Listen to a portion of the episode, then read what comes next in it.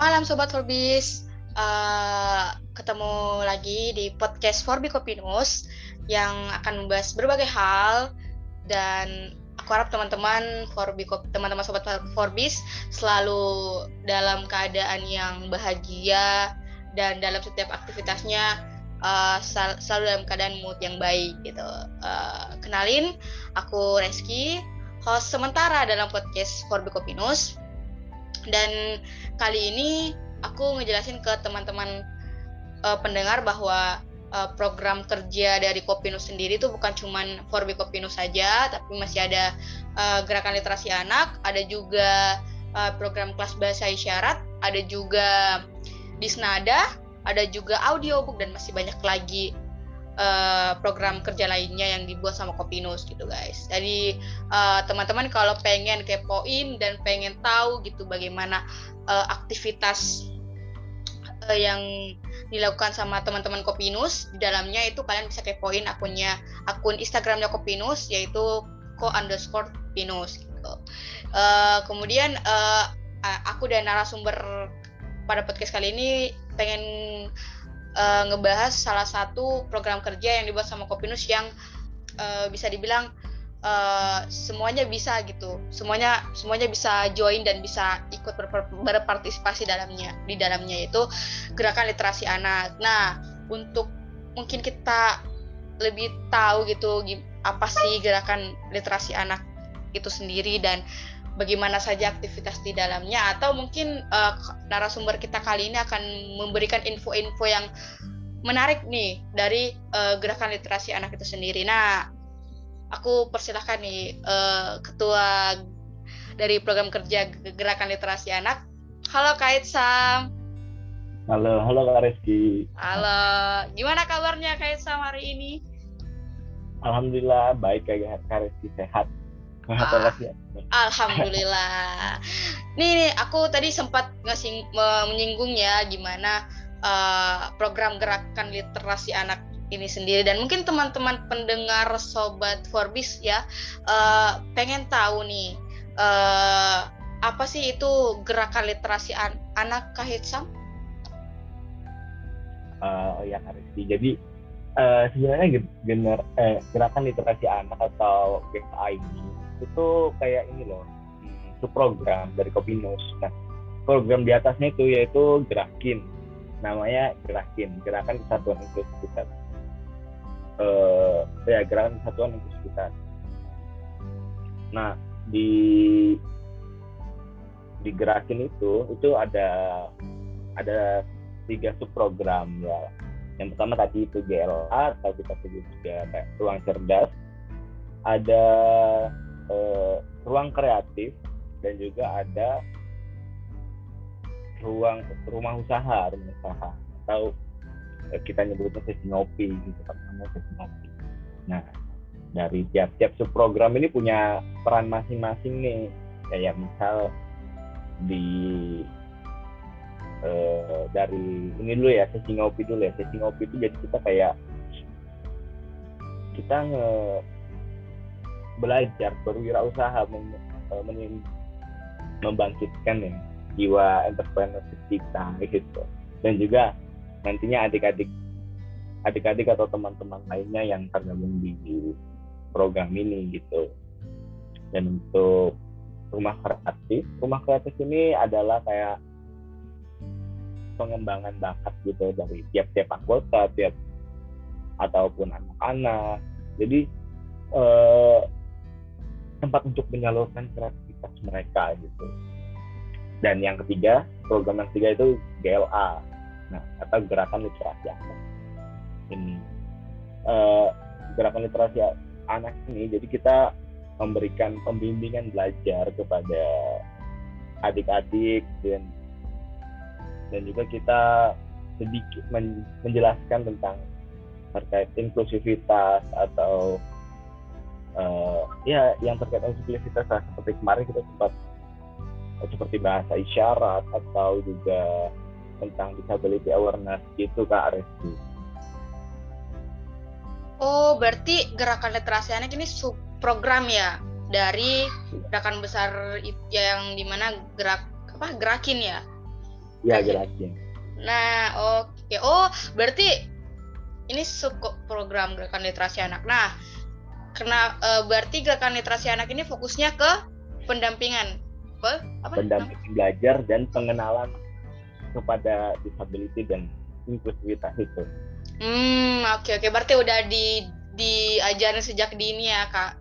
Haitsam ya. Ah, benar banget. Ah, oke okay, oke. Okay. Tapi yang jadi hal yang penas uh, yang buat aku penasaran nih kenapa kenapa harus gitu kenapa harus ad, kenapa sih Kak Sam ini dan teman-teman Kopinus yang lain uh, ngadain uh, gerakan literasi anak dan kenapa harus dibentuk gini di, dibentuk gitu program program sub apa sub program gerakan literasi anak?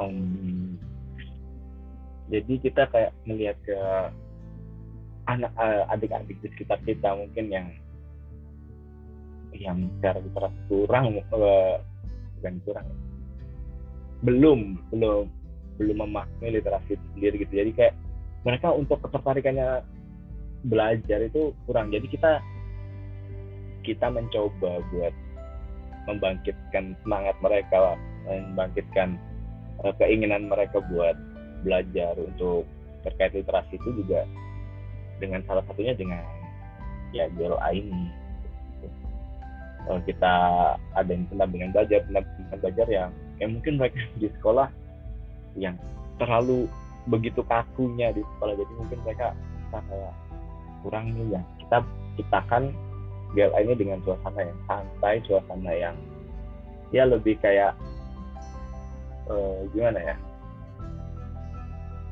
Uh, seperti teman sendiri gitu lah jadi kita belajar tapi santai gitu ya uh, ini gerakan literasi anak ini dalamnya apa ngebantuin teman apa teman anak-anak SD atau anak-anak pelajar yang lain itu PPR-nya kah apa dari gerakan literasi anaknya sendiri menyediakan wadah belajar kah apa seperti apa gitu di gerakan literasi anak hmm. sendiri? Hmm. Jadi kita kita itu ngebuka dari usia SD sampai eh, SMA, sampai SMA gitu. Tapi ada juga yang masih belum sekolah, ya nah, bukan belum sekolah ya, kayak dari TK atau masih PAUD gitu, yang pengen belajar bareng juga kita kita welcome. Nah, kita kita mengajarkan mereka ya, membantu mereka ngerjain tugas atau mengajari mereka membaca, menulis, mewarnai gitu.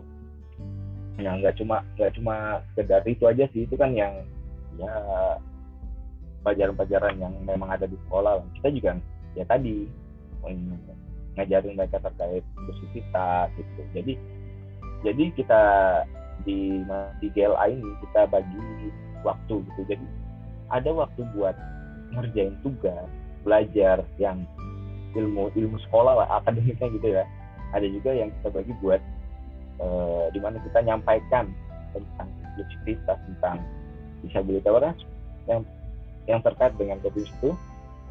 Dan juga kita ada waktu main. Nah waktu main ini juga bukan main yang ya, sekedar asik-asikan juga. Nah kita cari mainan yang uh, itu melatih pola pikir dan cara berpikir mereka gitu. Kita Ber juga di mana namanya ya kita menyediakan wadah itu tadi. Jadi mereka mereka datang. E, pertama kita kita ini ya kita sosialisasikan dulu ter terkait program kita ini terkait DLA ini. Kalau kita punya kegiatan pendampingan belajar seperti ini ini ini ini. Kemudian kita coba juga cari e, minta izinnya. Minta izin juga perlu ya. Minta izin ke mungkin ke RT ke RW tempat atau kemarin kita coba ke sekolah yang ada di dekat itu untuk mensosialisasikan program kita itu. Nah kita kita ada tempat kita punya base camp gitu ya tempat mereka belajar bareng. Jadi mereka yang mau belajar nanti bakal datang ke situ belajar bareng-bareng dan ya kita dampingi. Gitu. berarti uh, gerakan literasi anak ini menghadirkan uh, kayak semacam apa ya bermain sambil belajar ya kak? Benar.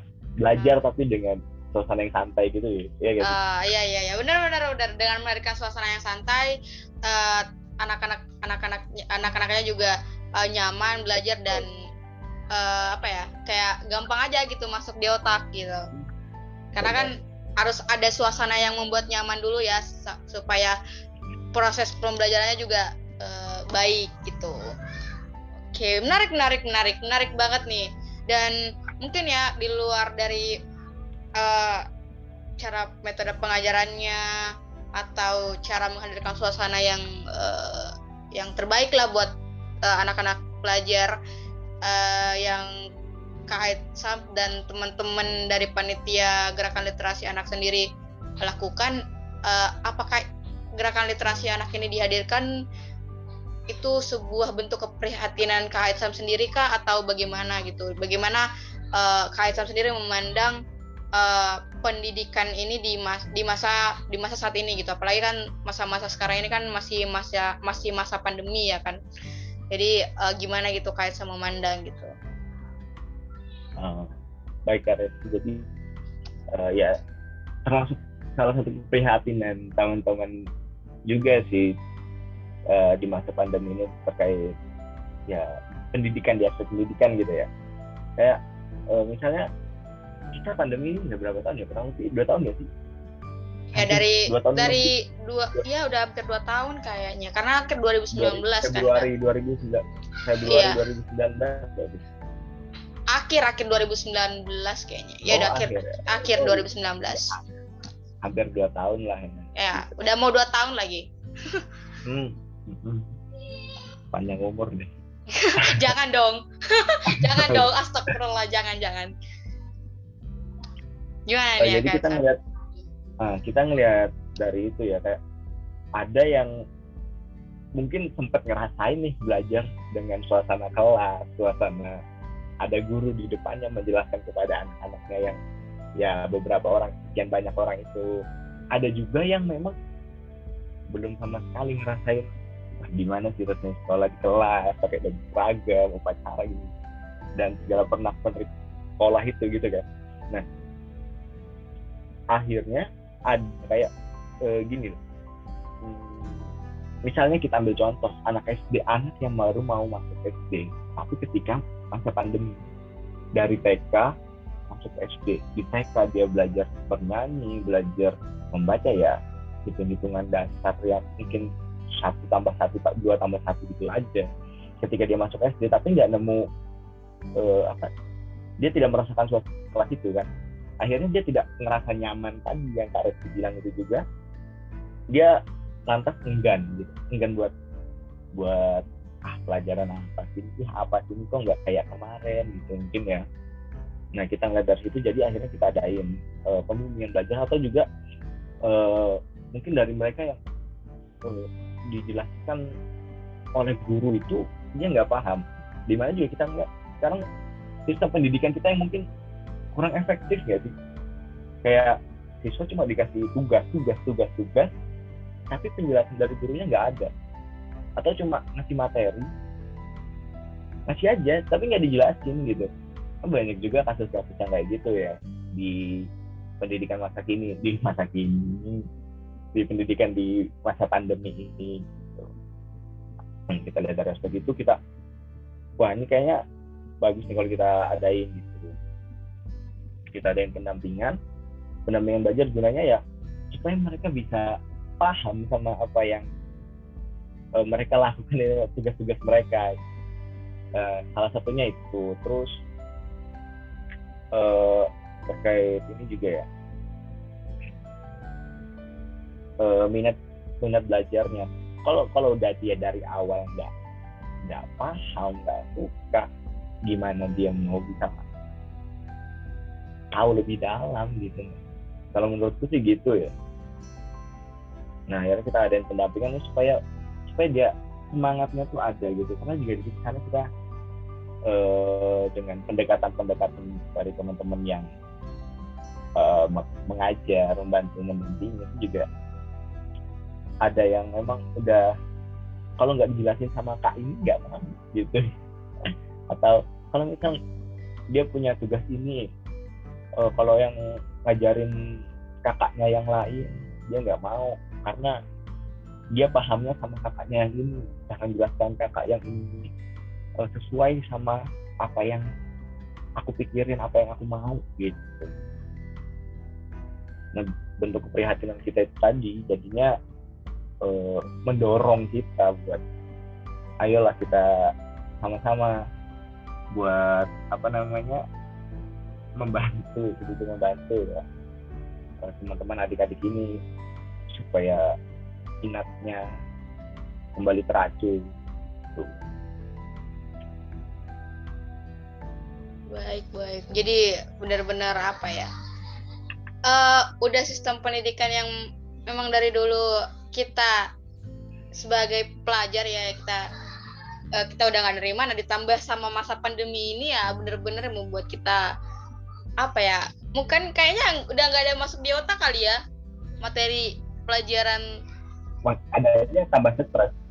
Iya udah udah kena mental dan udah nggak tahu materi ya jadi kita juga nggak nggak apa ya namanya udah nggak ngerasain yang namanya pendidikan gitu.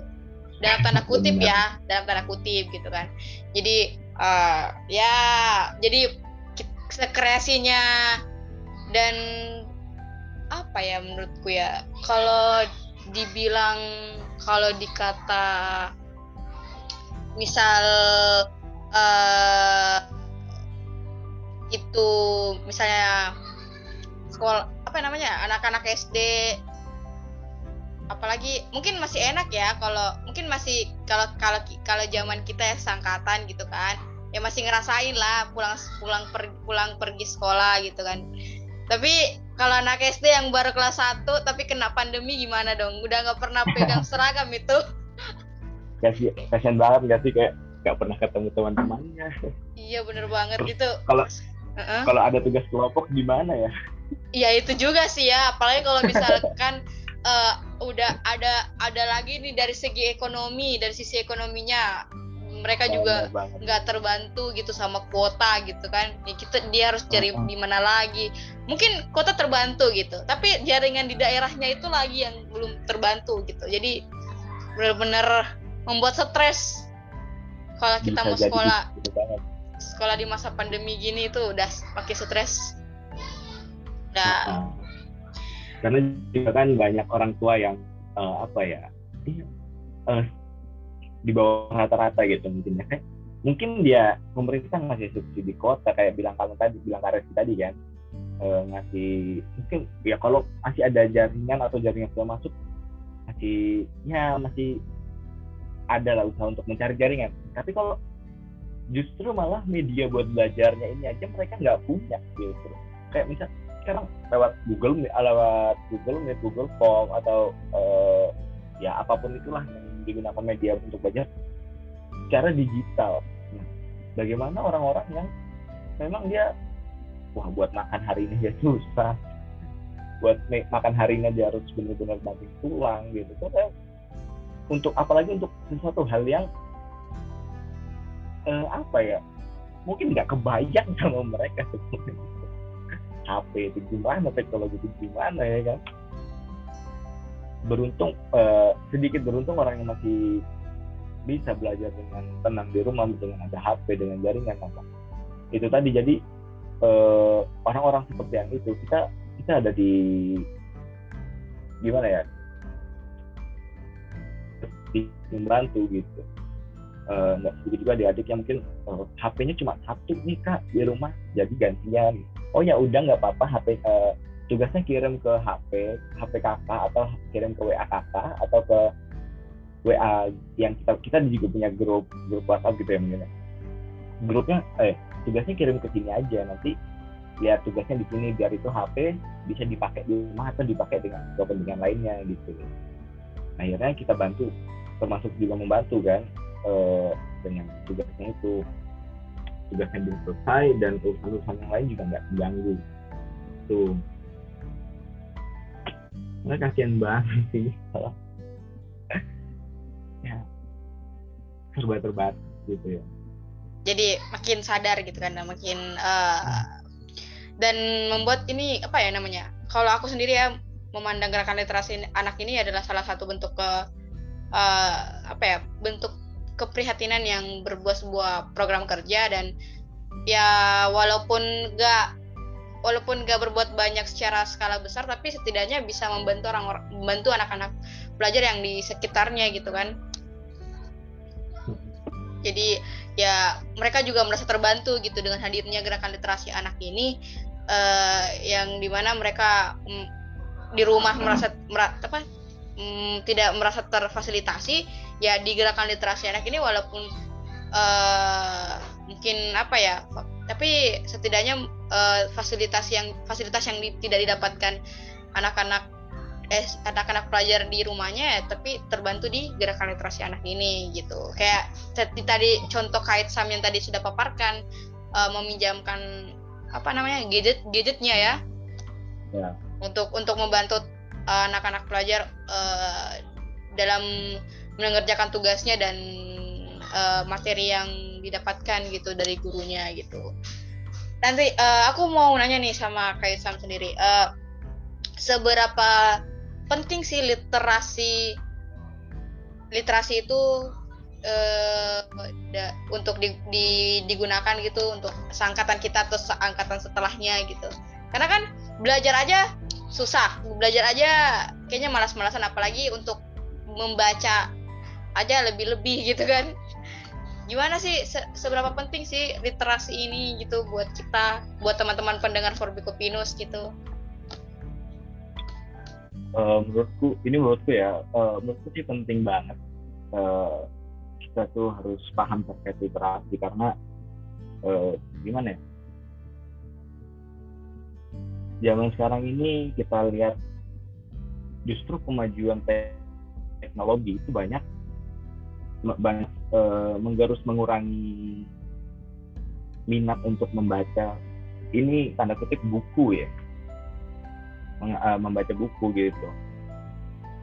Uh, mereka justru lebih memilih buat ya mending scroll TikTok uh, buka Instagram atau atau media sosial lainnya lah untuk media sosial atau atau juga untuk bermain game online gitu. Nah, minat untuk membacanya justru turun, justru turun ya bahkan mungkin hampir hilang gitu sedikit sekali orang-orang yang uh, mempunyai minat membaca. Pentingnya literasi sendiri untuk uh, kita ya tadi banyak banget media-media yang menyebarkan berita hoax. Karena mudah itu untuk diakses dan uh, gimana ya? Uh, keinginan kita untuk mengetahui itu kadang gini deh kayak hot grup keluarga WhatsApp deh grup keluarga kayak vaksin mengandung ini gini gini atau corona bisa disembuhkan dengan air perasan jeruk nipis. Kalau kita malas membaca uh, mengenal literasi sendiri kita akan termakan dengan vaksin itu kayak oh aku minum jeruk nipis aja biar hari barang corona. Tapi kalau kita belajar belajar dengan kita uh, membuka-buka mencari-cari apa namanya uh, sumber lain terkait jeruk nipis sebagai obat corona. Atau penyebab corona ini gitu. Ini ya kita bisa bisa menolak atau kita bisa membatasi bahkan menolak hoax itu kita kita nggak kemakan hoax kayak gitu. Nah, sekarang banyak banget berita-berita bohong berita-berita yang nggak mungkin lah. Sebenarnya ya iseng, iseng kenapa sih orang iseng ya itu tadi literasi itu gunanya untuk uh, menjadikan kita lebih tahu banyak. Karena biasanya kalau di buku itu kan kayak ada dicek-cek lagi atau kebenarannya lebih lebih rinci lah. Gitu dan juga minat pembacaan itu kan mulai ini terkhusus anak-anak uh, jadi minat mereka yang mulai turun mulai minat mereka yang mulai hilang itu kita bangkitkan di GLA ini tadi. Di GLA ini tadi kita coba bangkitkan dengan kita ada perpustakaan ini. Uh, yang di sana juga menyediakan buku-buku bacaan-bacaan buku bacaan untuk uh, anak-anak. Terus kita juga ada kegiatan mewarnai tadi. Juga kita uh, ajak mereka bercerita ajak mereka uh, bercerita tentang apa namanya ya tentang kehidupannya dia tentang dia belajar gimana di rumah gimana. Ajak cerita seperti itu dan untuk uh, mendekatkan kita ya diri kita ya supaya lebih kenal sama anak-anak di sana. Itu juga salah satu uh, tindakan kita buat membangkitkan kita terkait kesadaran literasi pada anak-anak itu Oke oke, berarti uh, literasi itu bukan cuman tentang baca buku ya kak, tapi uh, bagaimana juga kita literasi itu juga bisa bagaimana kita uh, menyaring informasi yang sumbernya jelas dan benar-benar uh, bisa dipertanggungjawabkan kebenarannya gitu. Aku agak ngakak sih pas korban WhatsApp keluarga itu juga ya itu aja terjadi dan gak bisa dipungkiri. Banyak banget yang menjadi korban WhatsApp keluarga apalagi kalau hasil hasil informasinya tuh yang keterangannya tuh di, di forward gitu yang diteruskan gitu. Yang belum dibaca aja udah langsung diterusin diterusin di grup WhatsApp keluarga kan uh, benar-benar menjadi benar-benar uh, apa ya uh, gata uh, bisa dibilang uh, belum dibaca uh, cuman baca judul langsung percaya gitu hmm. belum lagi dilihat dari sumbernya ya kita juga nggak tahu ini sumbernya benar-benar uh, benar-benar uh, valid apa enggak gitu dan ya udah banyak sih udah udah banyak banget itu yang jadi korban hoax WhatsApp keluarga gitu. Ya alhamdulillah aku masih aman ya. Walaupun gak dipungkiri di grup WA keluarga ku aja ya kabar-kabar isu-isu yang gak jelas itu tiba-tiba ada gitu. Kok bisa ya orang nulis tanpa ada uji apa pun gitu? Tiba-tiba nulis tiba-tiba nyebar tiba-tiba diterusin ke grup WA atau di mana gitu. Itu yang menjadi hal yang membingungkan gitu buat aku gitu kenapa? Lebih bingung lagi yang percaya. Kenapa ada yang percaya? Ya itu juga sih kenapa lebih sekarang tuh warga plus 62 tuh lebih banyak percaya itu gitu hoax daripada fakta gitu. Aku nggak tahu gitu. Ya karena tadi uh, minimnya minat kita untuk baca untuk uh, mengeksplor lebih dalam terkait hal itu gitu ya. Mungkin itu juga yang menjadi suatu kemalasan warga plus 62 gitu kan. Uh, mungkin mah mungkin karena udah ada sum udah ada udah ada yang buat tulisannya jadi mereka tiba-tiba langsung percaya gitu. Karena ada nih yang nyebarin gini ada ini udah aku nggak tahu deh. Aku nggak bisa ngomong apa-apa untuk itu gitu. Nggak bisa ngejudge juga gitu karena kan kita juga mau bantah dengan apa nggak ada gitu. Ya suruh baca, suruh rajin-rajin baca aja sih yang yang valid-valid aja gitu ada juga kan itu apa banyak juga gitu apa kayak semacam IG apa akun-akun yang memang benar-benar menyebarkan hoax yang dan juga berita-berita yang nggak jelas juga gitu. Jadi memang nggak bisa dipungkiri bahwa informasi yang cepat tapi akibatnya itu informasi yang uh, yang gak jelas juga cepat juga sampai ke ke teman-teman di war di Indonesia gitu. Uh, terakhir nih kak terakhir kan tadi udah kita bahas nih pentingnya literasi gitu kan buat kita generasi Z dan generasi seterusnya lah ya. Uh, mungkin Kacam dan mungkin Kacam juga punya tips nih gimana untuk bisa membakar semangat teman-teman gitu kan teman apalagi teman-teman pendengar sempat Forbis nih untuk membangkitkan kembali semangat uh, untuk bis untuk tetap uh, melakukan kegiatan literasi dalam bentuk apa pun. Gak harus membaca buku gitu kan bisa juga mendengarkan bisa juga membuat cerita gitu kan dalam di masa pandemi saat ini kak. Oh iya Karis uh, jadi kalau menurutku ya karena pandemi ini kita banyak menghabiskan waktu di rumah juga ya kan? Uh, kita kita susah mau ke mana-mana mau refreshing susah mau melakukan sesuatu hal aja susah banget sih. Uh, untuk teman-teman mungkin bisa kayak memulai ya ini aku juga lagi belajar ya. Uh, membaca-baca buku buku-buku yang ringan-ringan aja gitu. Ya kayak buku-buku cerita-cerita komik-komik mungkin mau. Kalau mungkin baca di cerita-cerita di namanya kalau di aplikasi ini apa? Wattpad? Ya di atau, ya di Wattpad di Wattpad. Nah gitu gitu kan juga bisa tahu banyak juga kan komik-komik yang komik digital gitu. Itu kan juga termasuk. Selain refreshing juga uh, apa bisa kita buat meningkatkan minat kita di literasi itu atau juga kita bisa mendengarkan podcast ya, ya podcast for wisdom ya kan ya dengerin podcast podcast coping Ya nah, dong. atau kita juga bisa uh, menonton film, nonton film kan bagus juga juga. Eh, kan kita mungkin ada yang belajar kan ada sih yang belajar belajar bahasa Inggris akhirnya lewat film atau lewat pagi gitu. Jadi kita nggak sekedar refreshing gitu, ada ada sesuatu yang kita dapatkan dari apa yang uh, refreshing itu sendiri gitu.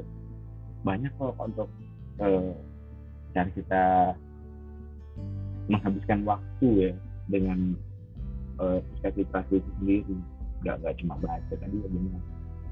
Menonton film mendengarkan lagu. Jadi uh, intinya literasi itu ditekankan sekali lagi teman-teman sobat Forbis itu bukan cuma tentang baca buku ya. Jadi ada banyak banget tadi yang kait sama udah sebutin gitu. Ada yang misalnya um, menceritakan gitu kesehariannya atau bisa dibilang storytelling. Terus juga ada yang uh, apa namanya nonton film. Terus ada juga yang mendengarkan podcast juga teman-teman gitu. Jadi dengerin uh, rad, uh, dengerin apa apa lagi ya mungkin dengan selain dengan podcast menulis juga. juga. Ah boleh menulis boleh. boleh termasuk juga Buat menulis hmm. nulis diary itu juga setara masuk literasi juga kan kak? Termasuk kan termasuk diary iya diary oke oke. Eh, jadi banyak banget. Jadi uh, aku apresiasi juga. Jadi aku makasih banget sama Kaisam dan teman-teman Kopinus yang lain bahwa uh, telah menghadirkan gerakan literasi anak yang bisa membantu anak-anak pelajar yang um, kurang difasilitasi mungkin secara mungkin dari segi data internetnya kah atau dari segi uh, gadgetnya kah yang kurang atau media pembelajaran yang kurang ya aku apresiasi dari gerakan literasi anak ini bisa membantu dan bisa mewadahi anak-anak pelajar uh, anak-anak pelajar untuk bisa uh, nyaman gitu belajar dan dan nyaman gitu. Da, ke, uh, eh, terima kasih juga nih buat uh, Kak Haitsam udah ngeluangin waktunya yang yang sibuk nih. Mungkin Kaitsam lagi sibuk hari ini gitu kan. Jadi uh, aku mohon maaf dan juga terima kasih telah join sebagai narasumber kece di podcast Perbi Kopinos. Dan uh, mungkin satu satu kali lagi nih kak, sekali uh, aku pengen uh, uh, sila, persilakan kak Haitsam uh, apa yang menjadi harapan kak sendiri untuk literasi sendiri kak. Oke, terima kasih banyak kak Reski. uh, jadi uh, harapannya buat uh, apa tadi? uh, buat literasi kak. Iya iya iya. Ah, ah literasi tadi ya. Ya kita mulai sadar akan pentingnya literasi itu. Terus kita mulai uh, mencoba mendalami perspektif literasi itu. Uh, ya tadi dengan kegiatan-kegiatan yang kita lakuin gitu kayak menulis baca dan lain-lainnya tadi itu kita mulai paham kita mulai uh, kita mulai ada keinginan untuk memahami itu lah gitu ada keinginan itu udah udah udah bagus banget. Apalagi kalau kita bisa bertindak bisa melakukan hal itu gitu.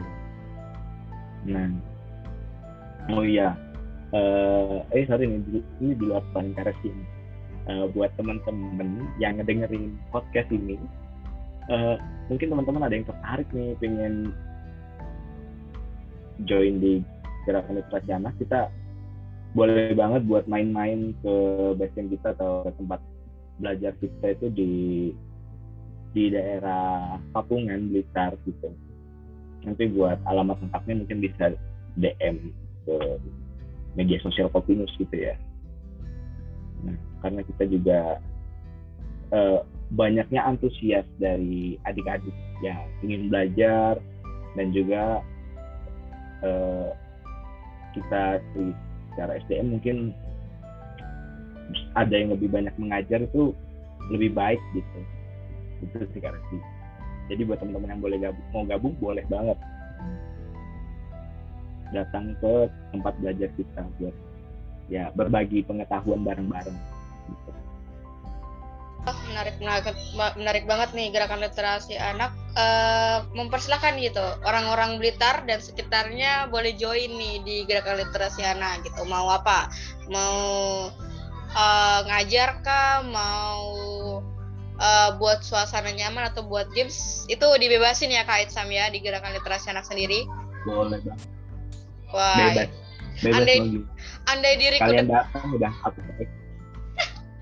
andai diriku dekat dari Blitar aku pengen juga tapi sayangnya aku jauh banget dari Blitar. Jadi please banget buat teman-teman pendengar ini ya yang lagi dengerin podcast ya, kalian harus ke ke Blitar. Di mana kak Hetsam daerah mana ya? Di di Papungan desa Papungan desa Mujair.